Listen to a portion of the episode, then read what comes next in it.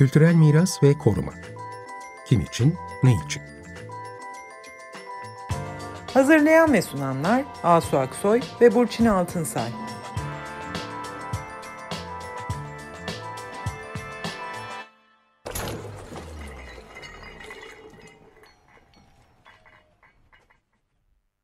Merhabalar, ben Asu Aksoy. Merhaba, ben Burçin Altınsay. Ee, Kültür Mirası ve Koruma Kim için Ne için başlıklı bu yayın serimizin bu akşamki programının e, adı, başlığı, konusu Asar-ı Atika'dan Kültürel Mirasa. Bu program aslında birkaç programla böyle şey olacak, devam edecek. Sadece bu programda bu konuyu bitiremeyeceğiz. Bu akşam e, neyin nasıl korunacağına Türkiye'de e, kim, hangi otoriteler, hangi yaklaşımlardan ve hedeflerden yola çıkarak e, karar vermekte, e, bu kararların hangi yasalar ve kurumlarla işlerliğe geçtiğini ve bu kararların ve bütün bu işte kurumlar, yaklaşımların tarih içinde tarihsel gelişimini ele alacağız. Yani oldukça kapsamlı bir konu bu. Böyle bir yerden gireceğiz bu konuya. Bu, bu giriş için de aslında geçtiğimiz programlarda e, işte Bursa Merkez Bankası'ydı, Saraçoğlu'ydu, Ayasofya'ydı falan hep koruma kurulları kararlarından bahsettik. Ee, işte Kültür ve Turizm Bakanlığı'ndan bahsettik. Yani burada bir takım ana kurullar ve bakanlık kuşkusuz var. Ee, bu akşamki programa koruma kurullarından girelim dedik. Yani bütün bu Türkiye'de neyin nasıl korunacağına, nasıl bu korumanın nasıl düzenleneceğine e, karar veren kurum olarak koruma kurulları hep karşımıza çıkıyor. Burçin e, koruma kurulları bu kurullar nereden çıktı?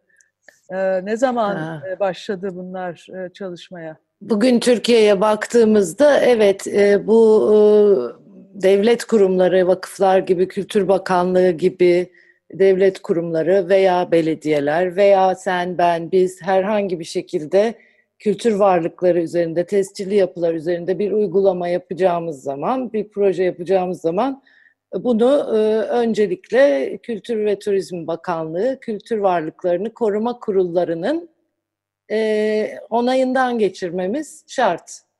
Bunu herkes yapıyor, devlet kurumları da.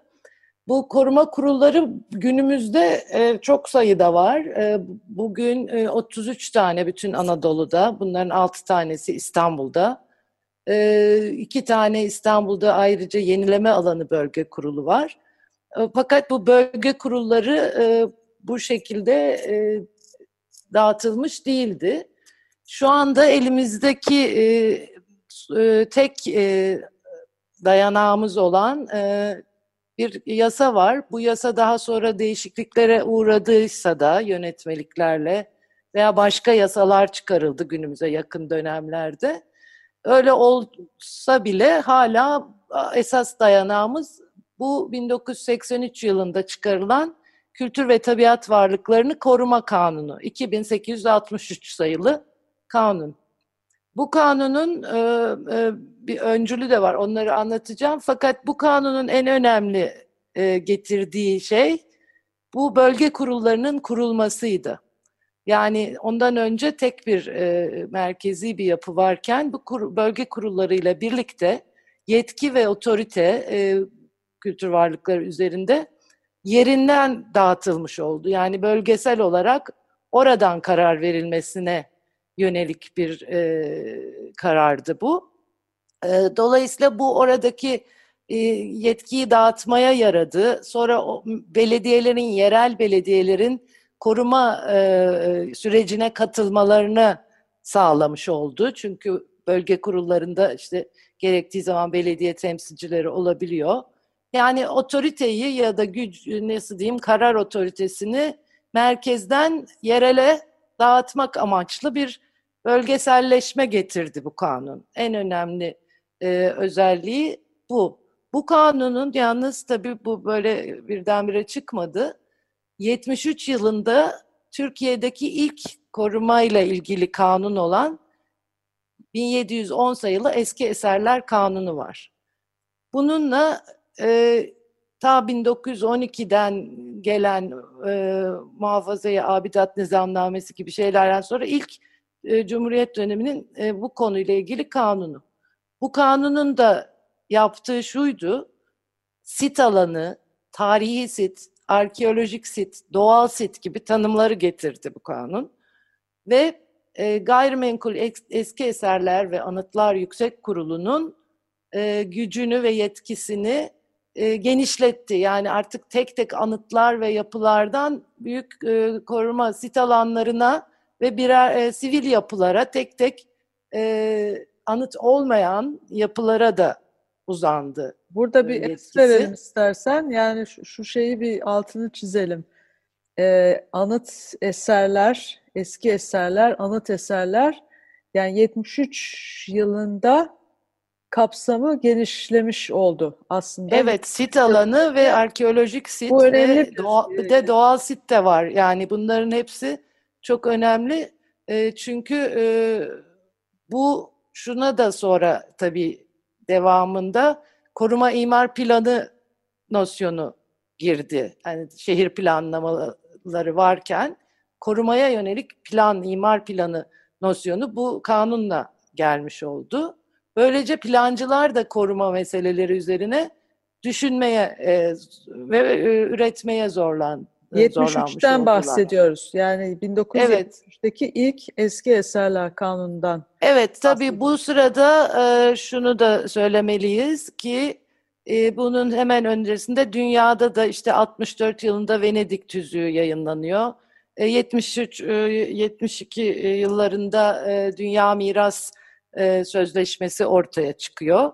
E, yani dünyada da böyle bir e, gelişim var. Ona paralel olarak zaten bu kanunları o zaman oluşturan kişiler biraz daha e, yani bilimsel e, ya da uzman olan kişiler kanunların oluşturulmasında biraz daha söz sahibi oldukları bir dönem bu. O nedenle bu dünyadaki gelişmeleri, evrensel gelişmeleri aktarabiliyorlar yasalara. Öyle e, bir e, özelliği de var. E, Burada gayrimenkul eski eserler ve anıtlar yüksek kurulundan bahsettim. Onların yetkilerinden bahsettim. Onun o ise evet ta 1951'de yine bir kanunla kuruluyor ve o kurulduğu dönemde yani ismine de dikkat çekmek istiyorum. Gayrimenkul eski eserler yani taşınmaz eski eserler ve anıtlar üzerine e, objelerden daha büyük bir ölçek bu yüksek kurulun alanı ve tamamen e, özerk. E, kendisi karar verici. Bu da çok önemli bir şey. 51 yılında yani yine tabii dünyada bu yöne doğru gelişmeler var. İşte bunun içinde olan hocalarımız veya o zamanın e, entelektüelleri de bunlardan haberdarlar ve Türkiye'ye ilk defa böyle koruma veya restorasyonla ilgili bir profil yükselmesi oluyor. Yani bu kavram böyle bir e, yüksek kurul e, konusu olarak kanuna geçmiş oluyor. Şunu not edebiliriz aslında 1951 evet. Menderes'in aslında çok büyük ölçüde evet. kentsel yıkımların olduğu bir dönem. Tam da büyük planlamalar, büyük kentsel değişimlerin olduğu bir zaman, dönüşümlerin olduğu bir zaman bayağı yıkımlar olan bir dönem. Zaten bu hep dünyada da bizde de hani böyle çok yıkım olan, çok gelişme dönemlerinde böyle bir koruma tabii ki inisiyakı ortaya çıkar. Bizde de öyle olmuş belli ki hani çok kaybediliyor belli ki eserler. Onun üzerine böyle bir şey yapılmış, e, kurul kurulmuş, yüksek kurul kurulmuş. Bu da zaten da, demin söz ettiğim 73'teki kanuna da temel teşkil ediyor. Onu tan yani bu buradaki kavramları getirmiş oluyorlar yüksek kurul çalışarak bu kavramları tanımlıyorlar ve 73'te de bunu kanunlaştırıyorlar. 73'teki kanun e, senin de söylediğin gibi ama çok önemli bir iş yapıyor. Yani anıttan evet. genişletiyor ve kentsel sit kavramı. Biraz evet. bunu açabiliriz belki. Sit ne demek? Ee, evet, sit e, hani bildiğimiz arkeolojik sit deyince belki daha anlaşılabilir e, bir şey ama e, tarihi sit, kentsel sit, şimdi artık kırsal sit de diyoruz da bunlar bir kent parçasında bir tarihi dokunun tamamını yani sokak kaplaması, işte duvarı, bahçe duvarı, evlerin kendisi, orada var olan anıtlar da var tabii mahallelerde. Hepsini bir bütün olarak, bir doku olarak e, kıymetli bulup korunmaya değer buluyor. Yani şöyle oluyor. Sonuçta normal insanların evleri de birden kültür varlığı mertebesine yükseltilmiş yani oluyor. sivil mimari diyelim. Yani Evet, böyle- sivil mimari mi? dediğimiz e, yani cami, işte hamam, e, anıt gibi şeylerin dışında sıradan insanların mülkleri ve evleri, okulları birdenbire bir kültür varlığı değeri kazanıyor. Korunması gereken hani- değil mi? Yani evet bununla tanışıyorlar. Bu, bu nosyonla tanışıyorlar. Ee, 75 yılında bu arada Dünya Avrupa'da yine kültürel miras yılı ilan edilmişti. O Türkiye'de de çok yankı bulmuştu. Safranbolu falan hatırlayın o zaman da böyle Safranbolu için filmler çekilmişti. Böyle böyle hani bu k- kavramlar bize tanıtılmış oldu. Fakat bu Aslında kanundan Safranbolu- sonra Dedin de bir dakika dur Safranbolu dedin. Yani hakikaten Safranbolu bizim e, ha- hafızamızda çok önemli bir yer etmiş. Safran korunan e, kırsal bir alan tamamıyla bütün olarak korun- korunmuş bir Osmanlı Evet ama o da işte kentsel alan aslında Kasabası. olarak e, şey önce. Şimdi tabii onu biz genişletiyoruz işte safran çiçeğine kadar. Hı hı. E, fakat bu 73'teki kanun biraz el- şey olmuş, eleştiri almış. Çünkü işte gelişime engel oluyor. Ay hiçbir şey yapamıyoruz e, gibi bayağı ciddi e, direniş görmüş. E, yani plancılardan da aslında biraz bu feasible olmayan bir şeydir diye Yani eleştiriler korunması gelince gerekici ge- gerekiyor diyor ama bunun nasıl korunacağını, hangi kaynaklarla korunacağını e, evet evet Yani e, bir Evet. fon kurulup o fonun nasıl işletileceği falan bunlar da Ee, tariflenmiş. O kısmı yok. Evet, o anlamda yönetim kısmı henüz yok. Fakat tabii çok fazla alan, sit alanı tanımlanıyor bu sırada o kanunla birlikte. O sit alanları tabii işte herkesin yerlerini kapsıyor. Hani o yüzden de millet biraz itiraz ediyorlar ve 83'te aslında biraz o bir hafif bir geri gider 83'teki kanun bu itirazlara e, binaen biraz geri gider ve bu bölgeselleştirir bu gayrimenkul eski eserlerin yetkisini bölgelere dağıtır. Galiba çünkü bölgeler olmadan önce tamamen merkezden karar veriliyor. Tabii tabii tabii. Ve e, merkez tabii ki çok hantallaşıyor bu durumda. Yani kararlar gecikiyor. Sit kararları Evet. alındıktan sonra nasıl oralarda ne olacak falan bütün bunlar çok böyle üst üste yığılıyor, bekliyor falan.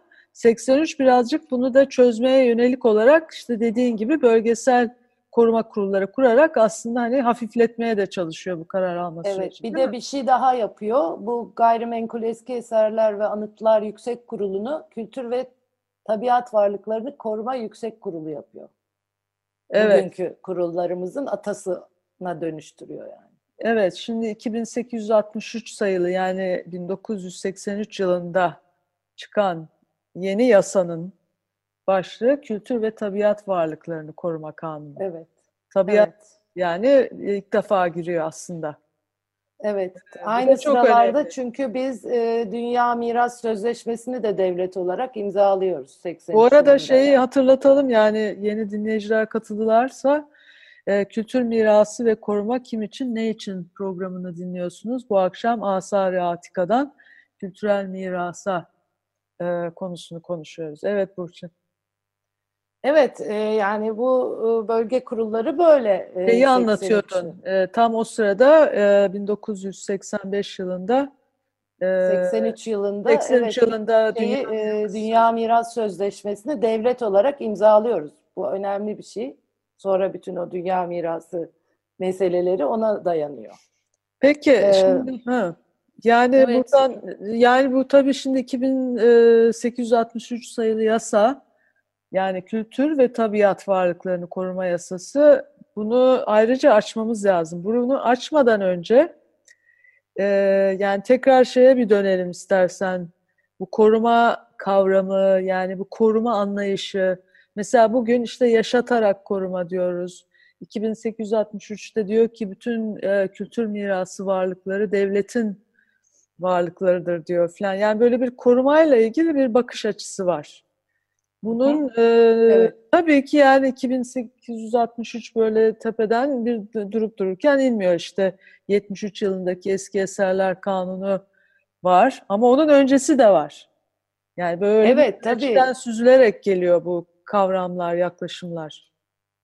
Evet Türkiye'de aslında bu koruma ya da e, yani restorasyon diyeyim şimdi anlaşılır o korumanın bayağı kendi bir tarihi de var. O kadar ta, yeni bir şey değil. Bayağı evveliyatı var. O, ona da bakarsak aslında ta e, Tanzimat dönemine gidiyor bunun e, başlangıçları, bu düşüncenin. Yani e, ondan önce mesela Osmanlı döneminde işte vakıf e, müessesesi var. Vakıf müessesesi hem ekonomik hem toplumsal hem e, kentsel mimari ticari bir müessese.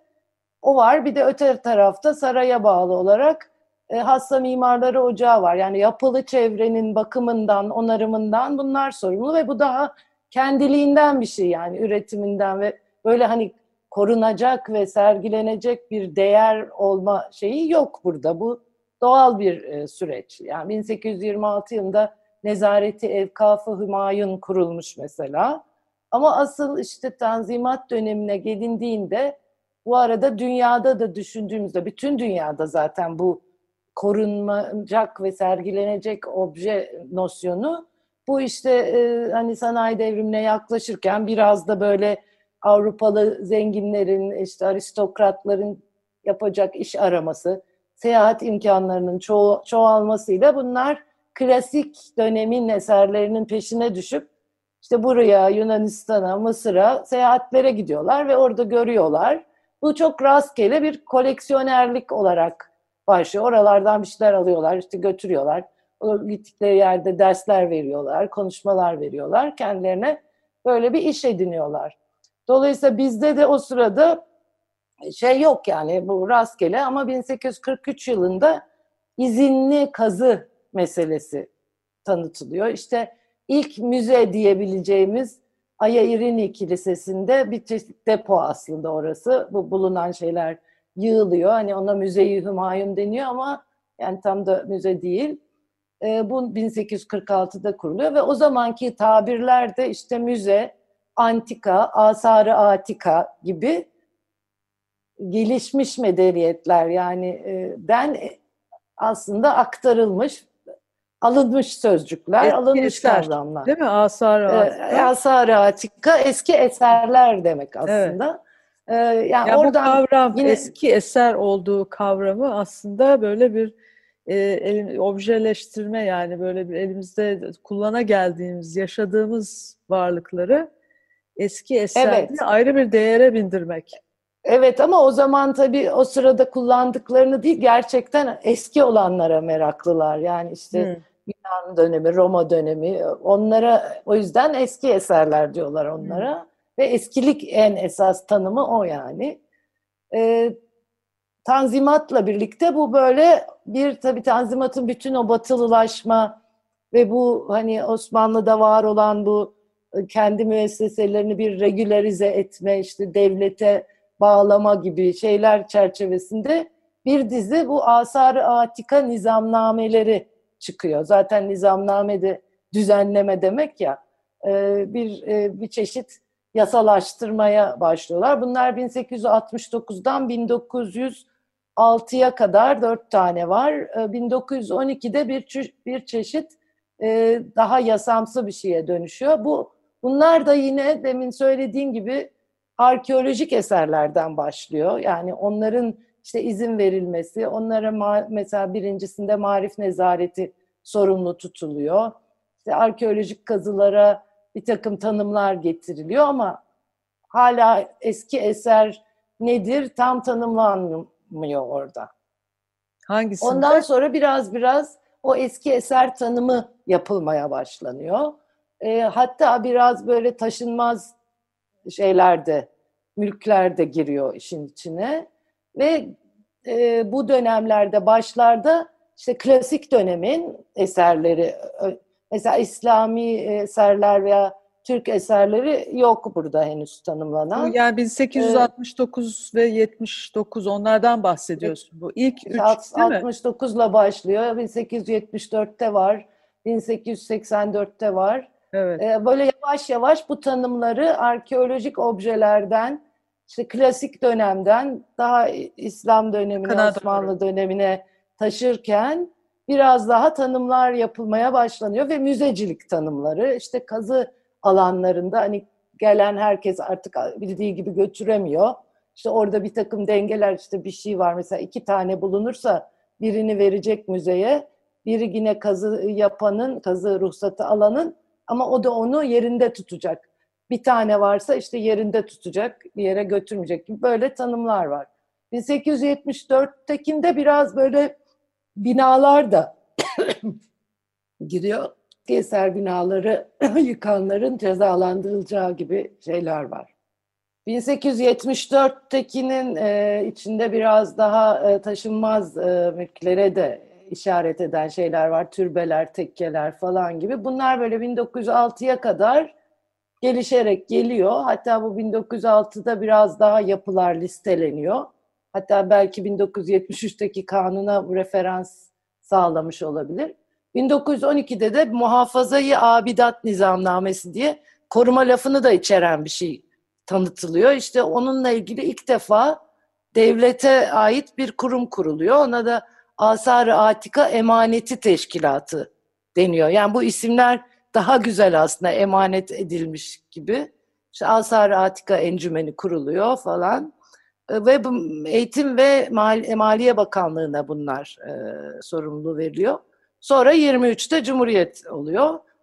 Cumhuriyette bunları sekülerize etmek üzere işte vakıflar e, organizasyonunu ki bu sonra hala çok önemli vakıflar bunu e, Evkaf Umum Müdürlüğü olarak bir kanunla tanımlıyor ve bu e, Osmanlı yapıları yani vakıf yapıları bu müdürlük tarafından e, idare ediliyor. Korunması da onlara veriliyor.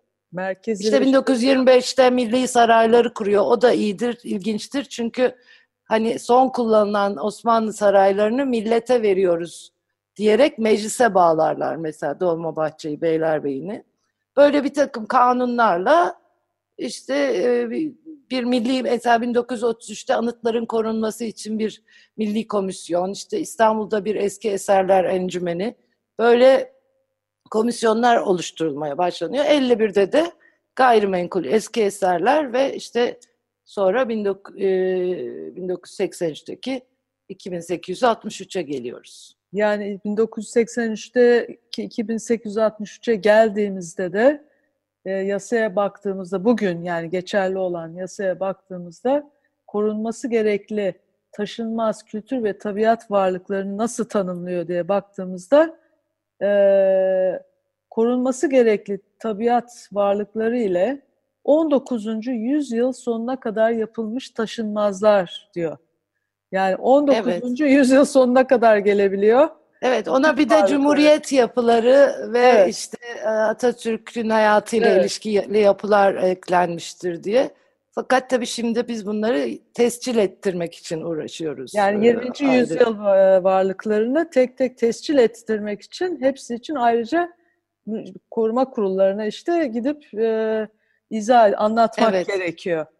E, yani 2863'ün geldiği nokta bu 19. yüzyıl sonu kısacası. E, önümüzdeki programda evet. değil mi Burçin? E, e, 2008... Yani söylenecek çok şey var bunda. Şey var. Çünkü oradan Çünkü... 83'ten bu yana da çok şeyler geldi başımıza evet. ki onlar çok önemli. Tabii. E, çünkü o yasa bile artık biraz tehlikede yani onları evet konuşmalıyız. Evet. Bir dahaki programda 2863'ü ve e, bu koruma kurullarıyla başladık bugünkü programa. Koruma kurullarında da yaşanan e, yani kimler orada oturuyor, kimler karar veriyor falan bunları da biraz daha açmaya çalışacağız. Evet, bizi dinlediğiniz için teşekkür ederiz. Sağlıkla kalın. Hoşça kalın. Teşekkürler, iyi akşamlar. Kültürel miras ve koruma kim için, ne için? Hazırlayan ve sunanlar Asu Aksoy ve Burçin Altınsay.